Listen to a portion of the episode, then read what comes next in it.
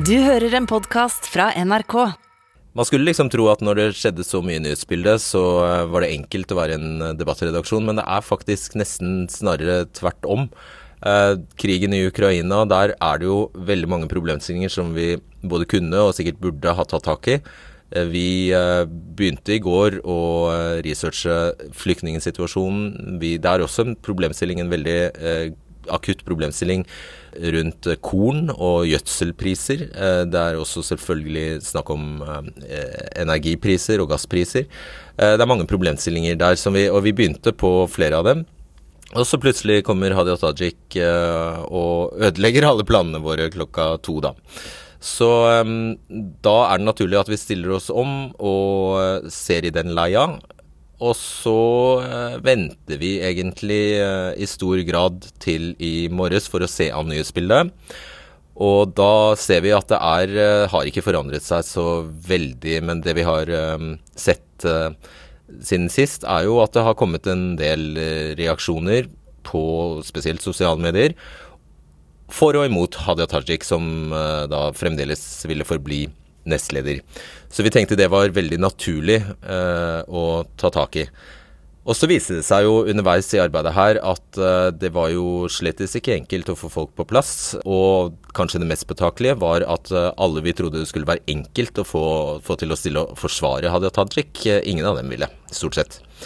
Så um, det ble vanskeligere enn vi trodde, og på noen tidspunkt her så vurderte vi å eh, egentlig droppe, droppe det.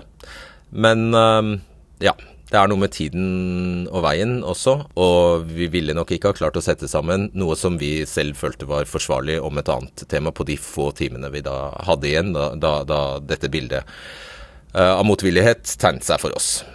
Men det vi serverer, er en diskusjon om Hadia Tajik kan bli sittende som eh, nestleder, og vi får fram de klare synspunktene på begge sider, vil jeg si. Så alvorlig var feilene Hadia Tajik hadde gjort at hun selv mente hun ikke lenger kunne være arbeidsminister. Hvorfor er ikke de samme feilene så alvorlige at hun kan fortsette som nestleder i Arbeiderpartiet? Velkommen til debatten. Før Tajik trakk seg i går ettermiddag, hadde VG avslørt at hun fikk skattefri pendlerbolig med en leiekontrakt hun aldri brukte. Men to dager før VGs avsløring dundret Tajik til mot Aftenposten på Facebook, som hun varslet var i ferd med å begå en presseskandale. Så viste det seg at Aftenpostens sak dreide seg om en annen pendlerleilighet enn den VG omtalte.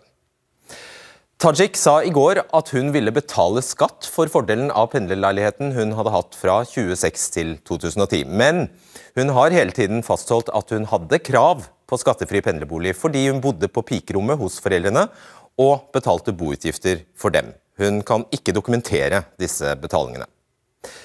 Mandag rykket LO-lederen og lederne for de to største LO-forbundene ut mot Tajik i VG. Geir Amnefjell, politisk redaktør i Dagbladet, velkommen. På tirsdag, da, altså noen timer før Tajik eh, trekker seg, så publiserte dere i Dagbladet en sak som avslørte at Hadia Tajik eide to leiligheter i Rogaland. Som, og det samtidig, samtidig som hun fikk skattefri og eh, gratis pendlerbolig i Oslo. Hvorfor, eh, når skjedde dette her? Når var dette her? Dette her var fra 2007 til 2010, og hun gikk også til innkjøp av de leilighetene og fikk leieinntekter for dem i samme periode som hun hadde den skattefrie pendlerleiligheten. Skjønner. Og reglene for å få pendlerbolig fra statsministerens kontor er jo veldig enkle. De sier at du bare bor du fire mil unna Oslo, så får du det. Um, så dere sier ikke at hun ikke skulle hatt pendlerbolig? Nei, eh, det den saken her gjør, er vel at den eh, setter de handlingene som eh, ble gjort i forbindelse med at hun fikk pendlerboligen fra statsministerens kontor, i et enda vanskeligere lys for Tajik. For dette var en pendlerbolig som hun da etter all sannsynlighet, eller stor sannsynlighet fikk urettmessig skattefritak for. Og i samme periode så gikk hun altså til innkjøp av to leiligheter og leide ut og fikk inntekter fra. Og disse mm, leilighetene de visste ikke sentralstyret i Arbeiderpartiet som hadde møte mandag om da de hadde møte? Nei, altså Før det møtet mandag så var det jo uh, tre LO-topper som hadde gått ut med krav om at Tajik måtte legge alle kortene på bordet. Uh, disse pendler, eller unnskyld, disse leilighetene, uh, leieleilighetene de kom ikke opp på møtet mandag, men det kom altså ut for offentligheten da vi publiserte vår sak på ja. tirsdag. For det var ikke kjent før dere skrev om det? Nei. Så bare for at vi skal henge med her, Disse leilighetene, disse to leilighetene som hun da har eid i Stavanger-området, de kommer i tillegg til den leiligheten som hun oppga at hun bodde hos, hos venner av familien, men som hun da egentlig ikke bodde i. Ja, dette er to andre leiligheter enn den som hun leverte en kontrakt på, som hun aldri innfridde, og som hun, eh, ja, som hun aldri bodde i. Ja, det, for, det, for, det, er mange leiligheter å holde styr på her. Mm. Hva mener du historien om disse to leilighetene som dere har avslørt, viser? Nei, Den øh, viser vel kanskje at de øh, økonomiske disponeringene som Tajik gjorde i perioden hvor hun fikk en da sannsynligvis urettmessig øh, skattefri pendlerleilighet, har så mange kompliserte elementer som har kommet fram litt etter litt, som gjør at hun nå framstår på en måte som gjør at hun mangler tillit, da, og at hun måtte trekke seg eh, bl.a. fra eh, jobben som arbeidsminister. Eh, og Så spørs det jo hvor stilig velgerne syns det er at eh, politikere som da kanskje urettmessig har fått en eh, skattefri pendlerleilighet, i samme periode kjøper to eh, leiligheter og får inntekter på leie fra de. Så kom dere med enda en uh, sak i går, og denne gangen om at Tajik hadde kjøpt den ene av de to leilighetene i Rogaland sammen med broren uh, Atar Ali Tajik i 2008 for rett under en, en, million kroner. Og så forteller dere at Hadia Tajik solgte sin del av den leiligheten til broren. Uh, to år senere, men for nøyaktig samme pris som hun betalte da, to år tidligere. Eh, og så oppgir hun at eh, de leide ut deler av denne leiligheten. Eh, det hevder, eh, hevder, hun i hvert fall. Hvorfor er det en sak om hun har vært grei med broren sin? Det er en sak fordi 15 eh, måneder etter at hun solgte sin andel av leiligheten til broren uten gevinst, så solgte han den videre med 46% gevinst. Eh, vi vet at han har vært folkeregistrert i den leiligheten. Vi vet ikke når datoene for når han har vært, eh, eventuelt bodd der. Men hvis det er slik at han har bodd der en viss tid før han solgte leiligheten, så fikk han da eh, skattefri gevinst av salget av den leiligheten. Det har vi spurt han om flere ganger i løpet av dagen i dag, men ikke fått noe svar tilbake på. Men vedkommer det henne? Det er bra for han. Vedkommer det henne? Eh, hvis det er sånn at han fikk skattefri gevinst av salget, så um, har jo han fått en høyere skattefri gevinst av salget ved at hun solgte sin leilighet billigere til han. Alright. Uh, per Ole, Ole, Hegdal, du er advokat og rådgiver i Skattebetalerforeningen. Slik vi kjenner saken her nå fra Dagbladet, hvordan vil du beskrive det som er gjort? Um, Nei, Det er jo ingen tvil om at eh, man kan eh, selge en bolig eh, under markedspris. Det er fullt tillatt. Slik at Hadia Tajik kan selge til sin bror for en lavere pris enn det markedsprisen tilsier. Men, ja, og, det som skjer senere, det må jo behandles etter de skattereglene som vi har. Og hvis broren bor der i mer enn et år, så vil han da, og ikke leier ut, men bor der bruker boligen selv, så vil han kunne selge boligen eh, fritatt for gevinstskatt, altså få hele gevinsten skattefri. Og da vil han jo kunne få ut den verdiøkningen som var på Tajik, søsteren sin hånd, og hans egen hånd, eh, fullstendig skattefri. Og hva kaller man det på fagspråket? Er det dette som er skattetilpasning? Det er skattetilpasning, ja. Lovlig skattetilpasning. Eh, absolutt. Uh, og det er slett ikke uvanlig. Dette har også, dette har de fleste hørt om. Uh, så det kan ikke være uvanlig? Nei, det er ikke uvanlig å flytte inn i en bolig og bo der et år og selge. Uh, det som kanskje er litt uvanlig, er at man gir en potensiell gevinst til en bror. Det er ikke så vanlig. Det, det, vi opplever ofte, er jo at foreldre gir en potensiell gevinst til sine barn, fordi man vil hjelpe barna. Og da skjer det et såkalt gavesalg. Men litt mer uvanlig å gi til sin bror. Men det, det er også mulig å gjøre. Ikke sant. Og for alt vi vet, så har vi andre noe å lære av søskenparet Tajik her. Takk skal du ha. Ok, For eh, andre gang på to uker har vi invitert eh, Hadia Tajik slik at eh, hun kunne svare på både gjenværende spørsmål om leilighetene og om hvordan hun skal gjenreise tilliten, men for andre gang har hun takket nei. Tajiks nevnte bror har ikke besvart henvendelsene våre. Arbeiderpartiets partisekretær Kjersti Stenseng og partileder Jonas Gahr Støre har takket nei. Men jeg er veldig glad for å kunne ønske velkommen til forfatter og sosialdemokrat Erik Fossnes Hansen, bydelspolitiker i Oslo for Arbeiderpartiet Line Tresselt, Mangeårig stortingsrepresentant for Arbeiderpartiet Tove Karoline Knutsen med oss fra Tromsø. Og Erik Skjærvagen, ordfører for Arbeiderpartiet i Fyresdal i Telemark. God kveld til dere alle. Starter hos deg, Erik Skjærvagen. Du er ordfører i Fyresdal, i det som fortsatt formelt heter Vestfold og Telemark. Du er også landsstyremedlem i Arbeiderpartiet. Hvorfor kan ikke Hadia Tajik fortsette som nestleder i partiet ditt?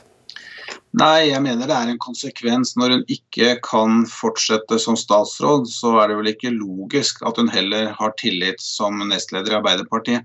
Disse to tingene må jo henge sammen, mener jeg helt klart. Uh, er du sikker, Tror du at du har et flertall i ryggen, eller hvordan tror du dette er?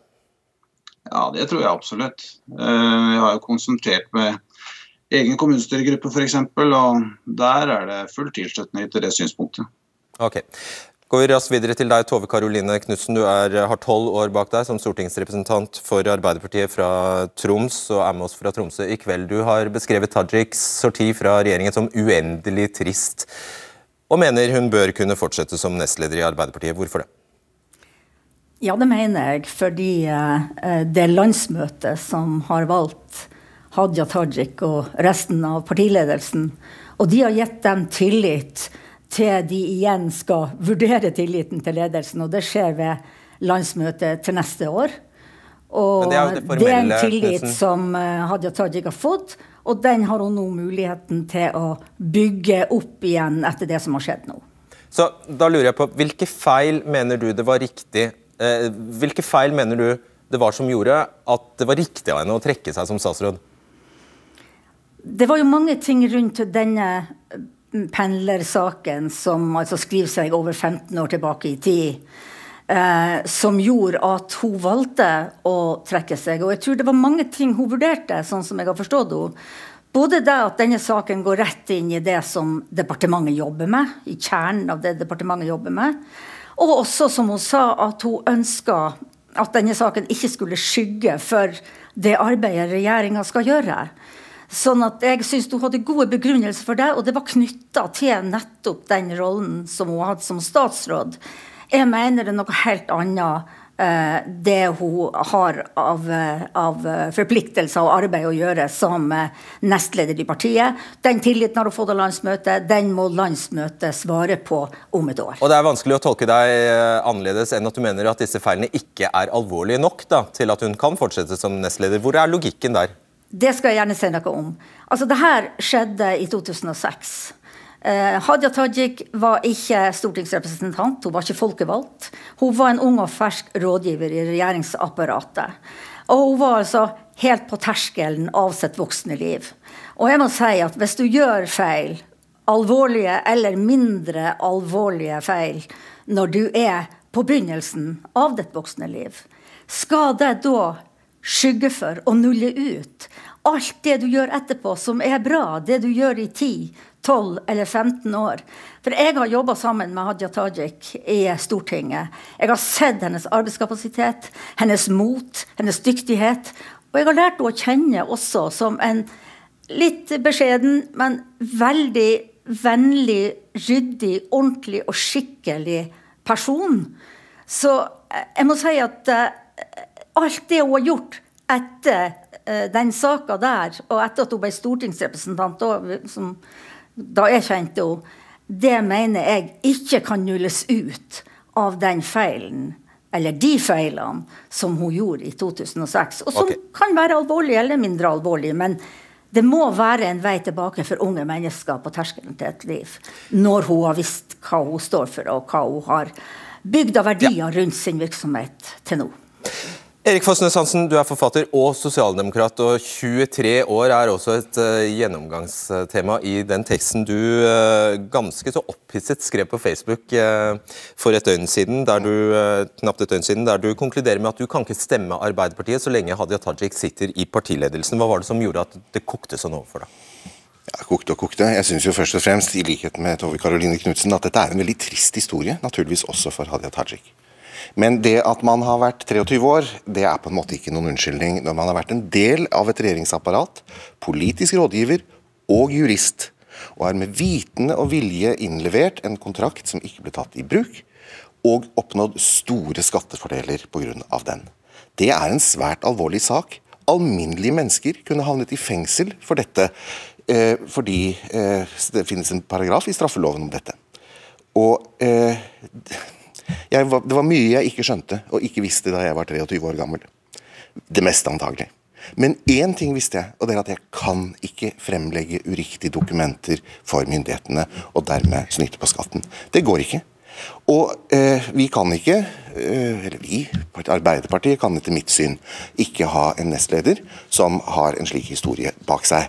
Det er grunnen til at hun trakk seg som uh, som minister, men det er selvfølgelig også sånn at du trenger den samme form for tillit for å kunne være nestleder i landets største parti. Hvis Jonas Gahr Støre får en istapp i huet, la oss håpe han ikke får det, men hvis det skulle skje noe med ham, så rykker hun altså opp. Greit. Line Tresselt du er bydelspolitiker for eh, Arbeiderpartiet i Oslo. Har tidligere vært rådgiver for eh, daværende helseminister Anne Grete Strøm Nei, forsvarsminister var hun da! Unnskyld. Forsvarsminister Anne Grete Strøm Eriksen. Eh, denne saken er ikke stor nok til å gå av på, eh, mener du altså, som nestleder. Hvorfor ikke? Nei, altså det første så er det tre ting. Uh, hun har gjort en feil. Hun, håndteringen kunne vært bedre. Hun har beklaget, og hun har ryddet opp. Det var det første. For det andre så har hun gjort en glimrende jobb som arbeidsminister. Altså Det var en på var Fellesforbundet som sa på Dagsrevyen i går at hun har vært den beste arbeidsministeren siden 70-tallet. og kunne ramset opp politiske uh, saker som hun har fått til i den korte perioden hun har sittet. Hun... de som har gjort det, Ergo de som har gjort en dårligere jobb, de fortjener å ryke? Gir det noe mening? Hun har gjort en utrolig god jobb. Uh, jeg mener I vårt parti så må det, må det være rom for tilgivelse. Og som nestleder, når vi skal bedømme det i partiet, i partiets organer, så er det et spørsmål om vi har tillit til den, det fantastiske arbeidet hun har gjort, og om vi har tillit til at hun kan gjøre en god jobb for det viktige arbeidet som kommer framover, både, både hun alene og sammen med partiet. Og så mener jeg òg, til forskjell fra Erik her, at uh, det er forskjell på uh, det er forskjell på å være i rolle som uh, statsråd og som nestleder i partiet. Som statsråd så skal du håndtere dag-til-dag-saker. Som nestleder så skal du bygge et lag, du skal forme fremtidens politikk, du skal utvikle politiske talenter, og der har hun gjort en kjempejobb. Og jeg er veldig sikker på at hun kommer til å fortsette å gjøre en kjempejobb der. Altså at, at eh, Hadia Tajik er en dyktig politiker, det er det ikke tvil om. Eh, jeg hadde selv med henne å gjøre da hun var kulturminister, jeg satt i Kulturrådet en effektiv, handlekraftig og, og, og, flink politiker. Men det er altså da sånn at hele det sosialdemokratiske prosjektet som Arbeiderpartiet er en del av, det handler om at samfunnet er et slags spleiselag. Og det kan ikke, her står det, nå er det vanlig folkstur, ja vel. Men her er det tydeligvis og åpenbart en forskjell på eh, kong Salomo og Jørgen Haltemaker. Og det kan, ikke, det kan, ikke, et sosialdemokratisk parti ha i sin ledelse. Det er dypt beklagelig. Det er ingen som syns at dette er noe morsomt. Det er ingen som, synes er, som er ute etter å ta henne. Det er bare det at hun har brutt, ung som hun var, regler som ingen kan bryte uten at det får konsekvens. Og dette må få politiske konsekvenser. Fordi rett nok er det et landsmøte som har valgt henne, men de har valgt henne under bestemte forutsetninger. De forutsetningene har hun nå brutt. Ja, altså Det er helt riktig, det er landsmøtet som eh, har valgt henne. Og hun eh, vil få Vi vil ta den vurderingen igjen som partiorganisasjon eh, når den tiden kommer.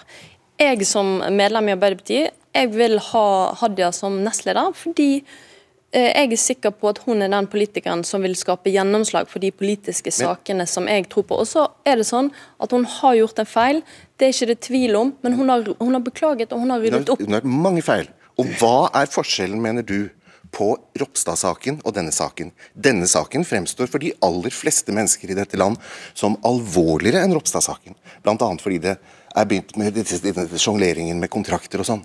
Hva er da egentlig Eh, hva er egentlig forskjellen, og hvorfor skal det herske andre regler for Arbeiderpartiets nestleder enn for, enn for lederen i Kristelig Folkeparti? Nei, altså Kristelig Folkepartis leder han har gjort som han har gjort. Jeg er ikke her for å dømme det, jeg er ikke, heller ikke medlem i Kristelig Folkeparti.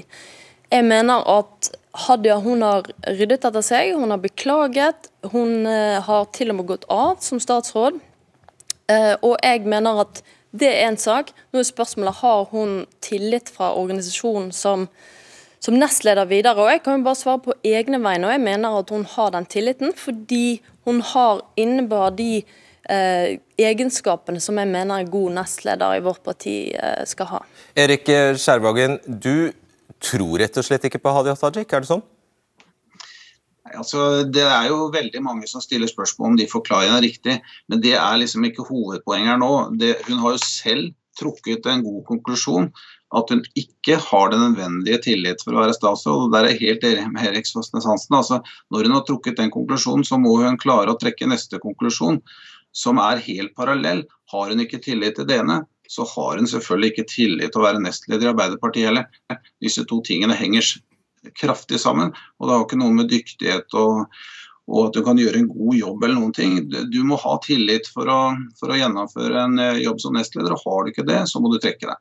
Og Du sitter i landsstyret som faktisk har mulighet og myndighet til å foreslå eh, at landsmøtet at det skal ja, innkalles til ekstraordinært landsmøte som eventuelt eh, kunne avsatt henne. Vil du, vil du foreta deg noe? Nei, jeg tror at eh, når Hadia får tenkt seg om, hun er en klok dame, når hun får tenkt seg om og har trukket eh, konklusjon A, så bør hun klare å komme fram til konklusjon B. Så jeg håper at det er unødvendig. Og det er? Det er at hun må trekke seg som nestleder også. Tove Karoline Knutsen, eh, jeg stiller deg det samme spørsmålet som jeg prøvde meg på i sted, bare på en litt annen måte, tror jeg. Hva skjer med den tilliten man trengte som altså Hva er forskjellen på det å ha tillit som statsråd og det å ha tillit som, som nestleder? Hva er forskjellen der, egentlig? Det er fordi at hun hadde fått noe sånn massiv mistillit fra partiet som sådan.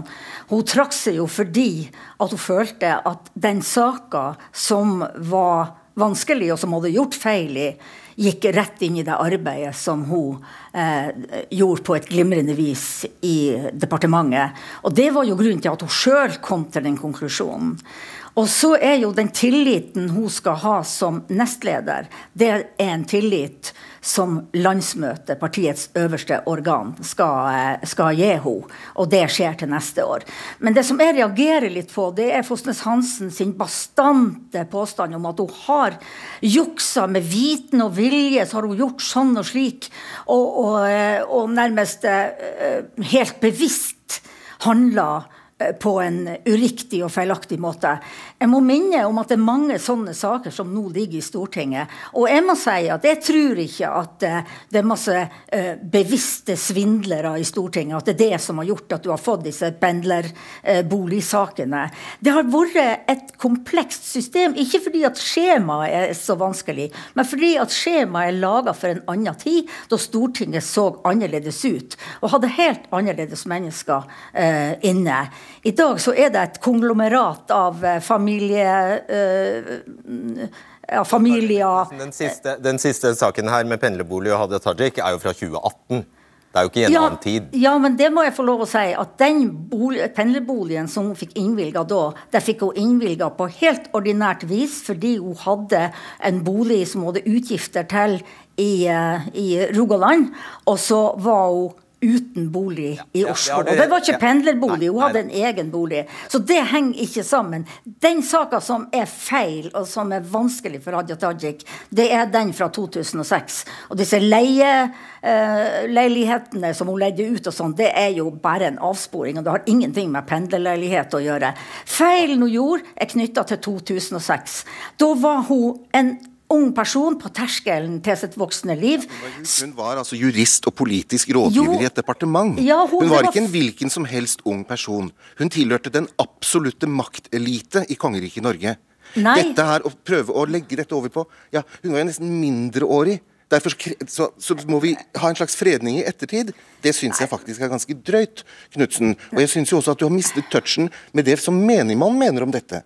For du sier Fosnes Hansen beskylder. Nei, jeg sier det ser sånn ut. Og det ser sånn ut fordi alle mennesker i dette land vil synes at det ser sånn ja, ut. Det er ingen i dette land som tror fem sekunder på denne forklaringen, fordi det ser ikke sånn ut. Den eneste som faktisk har gått ut og sagt, og som ikke burde ha gjort det, at 'jeg kjøper den forklaringen', 'jeg tror på den', det er vår statsminister og partileder Jonas Gahr Støre. Og det er dårlig politisk håndverk, fordi han impliserer dermed seg selv i saken ved å gå god for en fortelling som vi bare har Hadia Tajiks ord for at det er riktig. Nå, Svar raskt, Knutsen. Ja. Jeg syns dette er ganske drøyt, altså. Det må jeg si. Eh, det må være lov og sier at man ikke kommer med bastante påstander om et handlingsforløp som man ikke kjenner. Det som er erkjent, det er at det er gjort feil. Og du mener at vi skal legge det til grunn? Vær så snill, la meg få lov å snakke. La meg få lov å snakke. Mange av de som er på Stortinget, og som har uh, saker som handler om pendlerboliger, har gjort feil. Men spørsmålet er, når du har gjort feil, har du gjort det med bevisst uh, forsett å svindle? Det syns jeg vi skal være litt varsomme med, både i Hadia Tajiks tilfelle og i andre tilfeller. Og så er det noe med at har du gjort feil, har du tråkka utenfor, og enten det er alvorlige feil eller ikke, så er spørsmålet skal du da få muligheten til å rette opp den feilen. Jeg mener Hadia Tajik har med alt hun har gjort i disse årene etterpå, vist at hun er en ryddig og ordentlig og skikkelig person. og Derfor så syns jeg det er ganske urimelig det som Fosnes Hansen her bare påstår. Jeg syns man skal være litt mer varsom med å mene bastant noe som man ikke har god nok innsikt i. Skjærvangen, nettopp apropos det, Hvor går terskelen, mener du, for tilgivelse i Arbeiderpartiet? Nei, jeg, jeg tenker det er ikke, Dette er ikke spørsmål om tilgivelse eller ikke, det er spørsmål om tillit eller ikke. Og eh, som jeg sa i sted, altså Hun har jo selv konkludert med at hun ikke har den nødvendige tillit, og at dette vil komme i veien for Arbeiderpartiets saker. Og Da er jeg ganske sikker på at det også vil komme i veien for eh, saker som hun skal behandle som nestleder. Så dette henger jo selvfølgelig klart sammen. og Derfor så, så, er, det, så er det mest fornuftig å trekke seg. Ok, og Line Tresselt, Klarer du å se for deg at Hadia Tajik med troverdighet et, kan snakke om Arbeiderpartiets skattepolitikk, om å yte etter evne, kan snakke om skatteparadiser, eller for den saks skyld eh, Bø i Vesterålen eller Bjørn Dæhlie. Klarer du å se for deg at hun kan snakke om alt det som er viktig for, viktigst for Arbeiderpartiet? Altså Hadia Tajik hun er en av de dyktigste politikerne vi har. og I nestlederrollen så skal hun bygge organisasjonen. Hun skal utvikle politikken. Det gjorde hun med partiprogrammet. Og Jeg er helt sikker på at hun kommer til å gjøre en steinhard jobb og levere god politikk på akkurat de feltene som du peker på nå. Og ja, jeg har tro på hun, og jeg eh, har, eh, er sikker på at hun vil gjøre en, en god jobb som nestleder. Avslutning.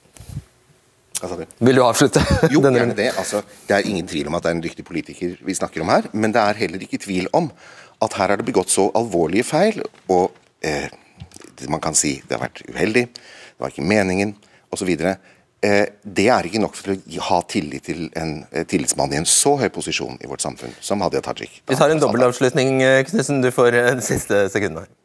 Ja, jeg mener at mennesker som begår feil på terskelen til det voksne livet, skal få ny, uh, nye muligheter når de faktisk viser i alt de gjør, at de bygger på de verdiene som uh, denne bevegelsen står for. Og jeg har vært imponert over Hadia Tajik uh, sin veldig tydelige takknemlighet og respekt, takknemlighet og respekt for det Arbeiderpartiet og arbeiderbevegelsen har gitt hun og hennes familie av muligheter. Hadia har en stor kjærlighet til partiet og til bevegelsen. Det syns jeg er veldig bra. Takk skal dere ha. Takk. Og Hvis du nettopp kom inn i denne sendingen og lurer på hva vi holder på med her, gå inn på NRK TV. Da kan du spole deg fram til starten av debatten. Og nå, før dere som utgjør vårt uh, neste panel, nemlig kommentariatet, slipper til for å si at uh, det er håndteringen av saken som er problemet her, ikke selve saken. Før dere slipper til og sier det, så skal jeg bare minne om at disse pendlerboligsakene som har ridd oss de siste årene, er gamle. Nesten alle som en er gamle. Så hadde det ikke vært for at pressen og journalistene drev og gravde opp gammel gørr, så hadde politikerne faktisk holdt på med det de skal gjøre, og drive en hederlig jobb uh, i hovedsak, da. God kveld eh, til deg, Skjalg Fjellheim i Tromsø. Nettavisen-kommentator Elin Ørjasæter. VG-kommentator Tone Sofie Aglen. DN-kommentator Eva Grinde. Og velkommen igjen, Geir eh, Ramned Fjell. Jeg starter med deg, Skjalg Fjellheim i, i Nordlys, eh, politisk redaktør der. For jeg, jeg må bare beklage først som sist. Du er en av de jeg har lagt merke til har fremhevet i din kritikk av Tajik nettopp håndteringen hennes. og Du skriver at pressekonferansen i går var lite preget av den ydmykheten man burde kunne forvente at hun leverte, eh, og at budskapet om egen avgang ble avlevert på en maskinmessig måte osv. Hva har det egentlig å si for saken? Altså, det har jo veldig mye å si for, eh, for hennes eh, troverdighet, når hun nå har valgt å gå av som eh, eh, statsråd, så har det også veldig mye å si for hennes troverdighet som eh, nestleder i Arbeiderpartiet. For det vi skal huske på er jo at Arbeiderpartiet på mange måter er et altså De er jo historisk et klasseparti som ved valgkampen sist nå i fjor høst gjorde et stort poeng av at de skulle komme tilbake og vende tilbake til rollen som partiet for vanlige arbeidsfolk. Eh, og så er Det jo slik at det er jo nesten ingen vanlige arbeidsfolk som har muligheten til å drive den type skattegymnastikk som det kan se ut som Hadia Tajik har eh, bedrevet.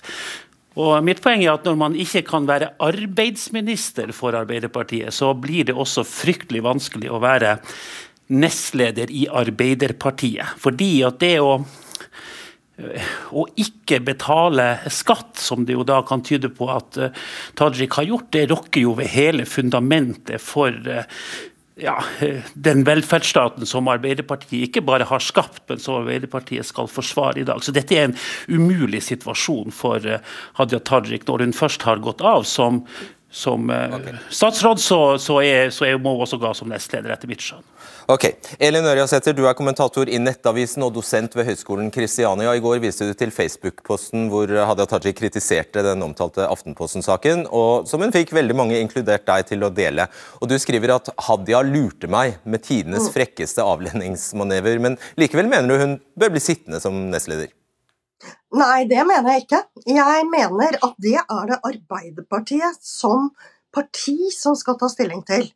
Eh, og det er de som eh, må legge hennes innsats gjennom mange år i den ene vektskålen, og så de feilene hun gjorde mellom 2006 og 2009 i den andre, eh, og også der pressehåndteringen, som jo mildest talt har vært dårlig fra hennes side.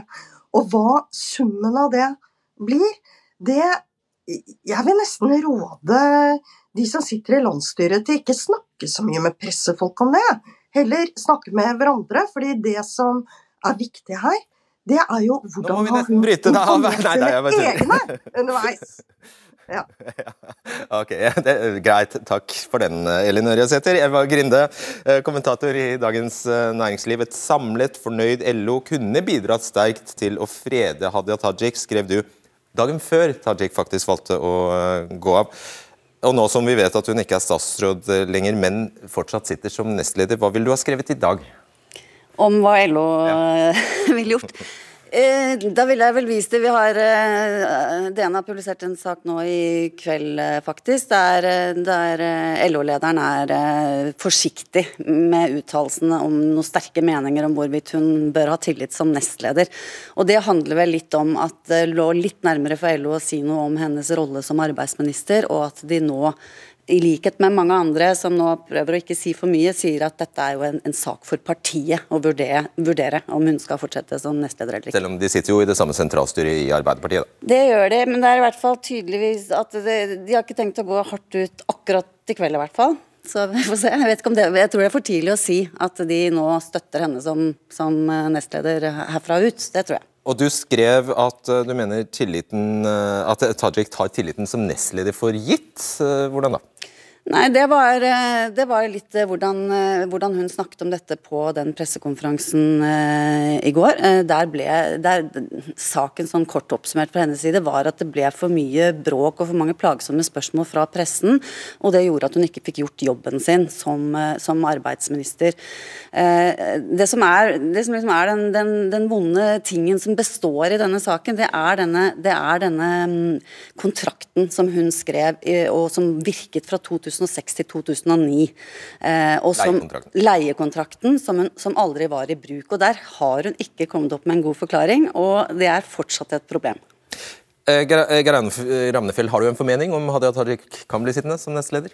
Altså, Klart hun kan det. Eh, det vil, jo, det vil jo nå debatten vise. Audun Lysbakken måtte jo også gå av som statsråd, men kom tilbake igjen og er nå Eh, partileder og står veldig støtt i eget eh, parti, men hun står jo i en veldig utsatt posisjon. Eh, og Hun var jo egentlig, bidro jo selv også til å vise hvordan, gjennom måten hun forklarte saken på under pressekonferansen i går. for Hun begrunnet jo avgangen sin med at det var så mye støy i i pressen. Hun beklaget feilene, men hun begrunnet avgangen med at det var støy i pressen. og Når hun fikk spørsmål om hvordan hun kunne bli sittende som nestleder når hun hadde gått av, så sa hun at hun går av fordi det har vært for, blitt for mye støy. Så hvis partiet eh, anser at den reelle grunnen til at hun gikk av var feilene som hun innrømmet, så kan det hende at eh, utfallet blir et annet. Tone Sofie Aglen, politisk kommentator i VG. Altså, Dette har nå ridd oss disse sakene. Disse eh, sakene med pendlerleiligheter, og det skjer utrolig nok igjen og igjen. Jeg tror hele landet sitter forbløffet uh, igjen og tenker det. Uh, det. Så da er jo det store spørsmålet hvordan kan det skje, og hva er det som, har det sittet i veggene, eller er, har vi skurker til politikere? Så, og VG gjorde en grundig undersøkelse uh, blant 500 politikere for å prøve å komme til bunns i det, i det, spørsmålet. Dere fant ikke noe smoking gun, men hvor langt kom dere?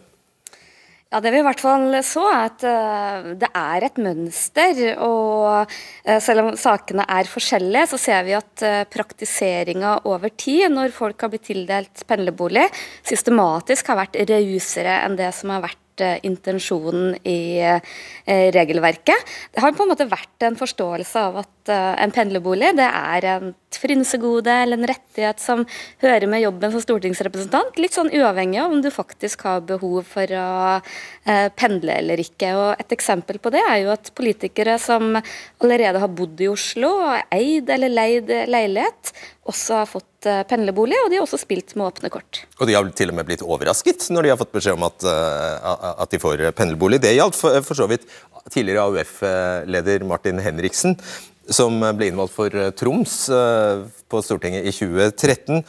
Eh, ja, han har kanskje en historie som faktisk kaster lys over hvordan dette egentlig har fungert? Ja, Det er i hvert fall ett eksempel. Hans historie som han beskriver, er at han hadde bodd i Oslo allerede i elleve år. Jobba, hatt ulike verv før han ble innvalgt på Stortinget fra sitt hjemfylke Troms. Da tok Stortingets administrasjon kontakt med han, spurte om han hadde behov. Han forklarte om sin situasjon, og, og, og fikk etter sigende som svar at at du allerede hadde en leilighet, det var liksom ikke et problem. og Resultatet der ble at han solgte sin leilighet og flytta inn i en pendlerbolig. Og, og var helt åpen om det, og trodde at det var greit. Ja, og Man kan jo for så vidt forstå Stortingets administrasjon at de vil unngå et rush rett etter valget, sånn at de begynner å planlegge sånn ut på sommeren f.eks. Ja, og det man også kan si da, For å komplisere det her ytterligere, så er det jo ikke sånn at uh, Stortingets administrasjon er sjefene til politikerne, selv om de kanskje av og til kan føle det sånn. Det er jo uh, omvendt, uh, og de har nok mer opplevd at de har vært til rette tilretteleggere. Så det er jo litt sånn bukken og havresekken her. Vi tar med oss et annet eksempel mens vi er i gang her. Rebekka Borch, tidligere var det statssekretær hun var, tror jeg? Hun var statssekretær i Kunnskapsdepartementet. Ja, sånn var det for, for Venstre i Kunnskapsdepartementet. Det er nesten en helt utrolig historie. Hva skjedde med henne dagen da hun ble første dag på jobb? Ja, Da fikk hun rett og slett nøkler til en pendlerbolig. og det tok et par uker før hun så sendte inn en søknad. og Det viste seg jo det at hun bodde jo kortere enn 40 km, som er grensa eh, fra eh, sin leilighet. Hadde jo ikke krav på det, men hun, det burde hun jo kunne sjekka. Det er jo ikke så komplisert regelverk, men hun eh, levde i god tro og trodde at det var greit. Ja, og Jeg har snakket med Rebekka Bosch i dag for å bare gjøre henne oppmerksom på at vi ville omtale henne. Hun sa første dag hun fikk altså denne nøkkelen helt uoppfordret i hånda sammen med håndklær og sengetøy. Sånn var det. ok, Skjalg uh, Vi får bare Ja, etter, uh, etter uh, ifølge henne selv, da. Skjalg Fjellheim, hvis det er sånn det har vært, at dette nærmest har sittet i veggene, at det omtrent har vært automatikk i dette, da er det jo din dom overfor Hadia Tajik for altfor hard? Nei, det syns jeg ikke. Jeg, synes på en måte dette Det som skjer på toppen i et samfunn, og Hadia Tajik er, står helt på toppen i maktpyramiden i det norske samfunnet, det har en tendens til å sildre nedover i samfunnet. Og hvis man viser eh, det man vel eh, det som ser ut til å være dårlig skattemoral på toppen i et samfunn, hvordan skal man da forvente at såkalte vanlige folk, som Arbeiderpartiet har gjort eh, et stort retorisk poeng av, skal, kunne, skal følge de samme reglene? Reglene. Nei, Hadia Tajik har etter mitt skjønn gått fra å være regjeringens sterkeste kort til å bli Arbeiderpartiets svakeste punkt. Eh, og Det har skjedd i løpet av forbløffende kort tid. Og den manglende ydmykheten som hun har vist, eh, styrker jo ikke hennes muligheter, etter mitt skjønn, til å fortsette som nestleder i Arbeiderpartiet. Uh, Ørjasæter, mener du at Mener du det bare skal gå nå over et år til neste landsmøte før noen i partiet kan foreta seg noe som helst? Nei, det er klart at de må snakke om dette her i landsstyret. Det er det, det riktige stedet. Eh, også for de trekker en konklusjon om hva de skal be Hadia Tajik om å gjøre. Men jeg syns jo denne historien med Rebekka Bosch er veldig illustrerende. Vi snakker om forhold i en annen tid, med et annet forhold til disse pendlerboligene helt tilbake i 2006, så har jeg lyst til å kommentere dette med Jørgen Hattemaker. Jørgen Hattemaker han hadde jo sluppet helt unna med dette, rett og slett fordi det er foreldet. Det er også forskjellen på Ropstad-saken, for den skjedde i forfjor. Ok, vi tar det poenget. Eva Grinde. Eh, at det er forskjell at, uh, Det er foreldet, faktisk. Ja, den er foreldet, men det er jo ikke det det, det går på. Er, vi vurderer jo ikke dette spørsmålet juridisk. Um, fordi man snakker om her, selvfølgelig har det vært en ukultur, og det har vært veldig viktig å vise fram det, hvordan, hvordan det på en måte uh, har vært noe man har vært enige om, og, om å, å, bøye reglene på. Det har vi mange eksempler på, ikke sant. Men, men samtidig, man kommer ikke unna det at her er det jo brukt en kontrakt som ikke var reell. Og det, det, det er liksom ikke, Fikk hun da beskjed liksom fra Stortingets eh, administrasjon at det vi pleier å gjøre, er liksom å skrive en litt sånn eh, en fin kontrakt, og så, og så er det I så fall så er det jo eh, fryktelig alvorlig, da. Så, men, men det at det er foreldet, det det, det, hjelper ikke når det er snakk om politisk tillit. Eller det, det, holder i hvert fall ikke når det er snakk om politisk tillit. Og Her handler det jo også om hvor alvorlig Hadia Tajik syns, syns det er. Hvor risikabelt er det for Støre å, sette, å stille seg bak Tajik, som han har gjort nå? Nei, det er jo altså Jeg tror noe av det Støre kanskje ønsker seg aller minst, er en ny, en ny giftig kamp om, om nestlederverv osv. Sånn at det, det, kan jo, det kan jo virke provoserende at både Støre og Tajik tar så for gitt at hun, at hun har partiets tillit i det nestledervervet. Og det kan, jeg, jeg tenker at det kan liksom oppildne den motstanden mer enn det ville gjort hvis hun hadde tatt det på en litt mer ydmyk måte. Vi har jo snakket med Altså, de er så tallrike at jeg har helt kommet ut av tellingen. Vi, vi, har snakket med så mange i Arbeiderpartiet i dag, men jeg tror jeg skal våge meg på uh, påstanden at uh, veldig veldig mange støtter uh, Tajik. Og veldig, de aller fleste vil ikke si det høyt. Enten fordi de er redde for at det kan komme nye saker, eller fordi de følte de brente seg da de støttet henne etter den første Aftenposten, eller den utblåsningen på, på, Facebook, og at de ikke vil risikere å sitte med skjegget i postkassa nok en gang.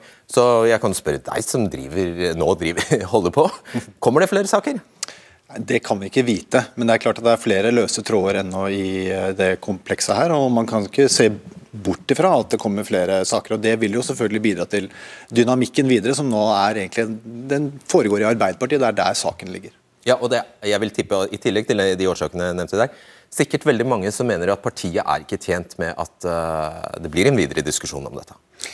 Eh, nei, eh, jeg tror nok eh, Arbeiderpartiet er nok like splitta som alle de stemmene man hører her. Men jeg tror mange også er dypt bekymra for at dette her skal røre opp noen av disse gamle konfliktene som har rivd partiet i fillebiter. Og jeg tror kanskje det at partiet nå sitter i regjering og skal styre landet, gjør at, man, at det virker disiplinerende på partiet, og at man kanskje klarer å samle seg og få ro. Ja, men Er, det, er, er dette en skygge av Giske-saken? Er det det vi ser? Jeg, det er langt mer komplisert enn det. og Noen gir den altfor stor plass, men at det er noen av de gamle konfliktlinjene som fortsatt er veldig såre og vonde i Arbeiderpartiet, det er ikke noe tvil om. Og Når du også vet det, Skjalg Fjellheim, at det hviler noen skygger over dette partiet fra, fra før, eh, hvorfor ønsker du da å bidra til at dette blir enda vondere? Nei, jeg vil ikke si at jeg, Det er vel ikke jeg som bidrar til denne saken blir vond. Det har jo da Hadia Tajik eh, bidratt til sjøl i aller høyeste grad. Min analyse er at eh, det som har skjedd, og at hun fortsetter som nestleder, kommer til å bli en belastning for partiet.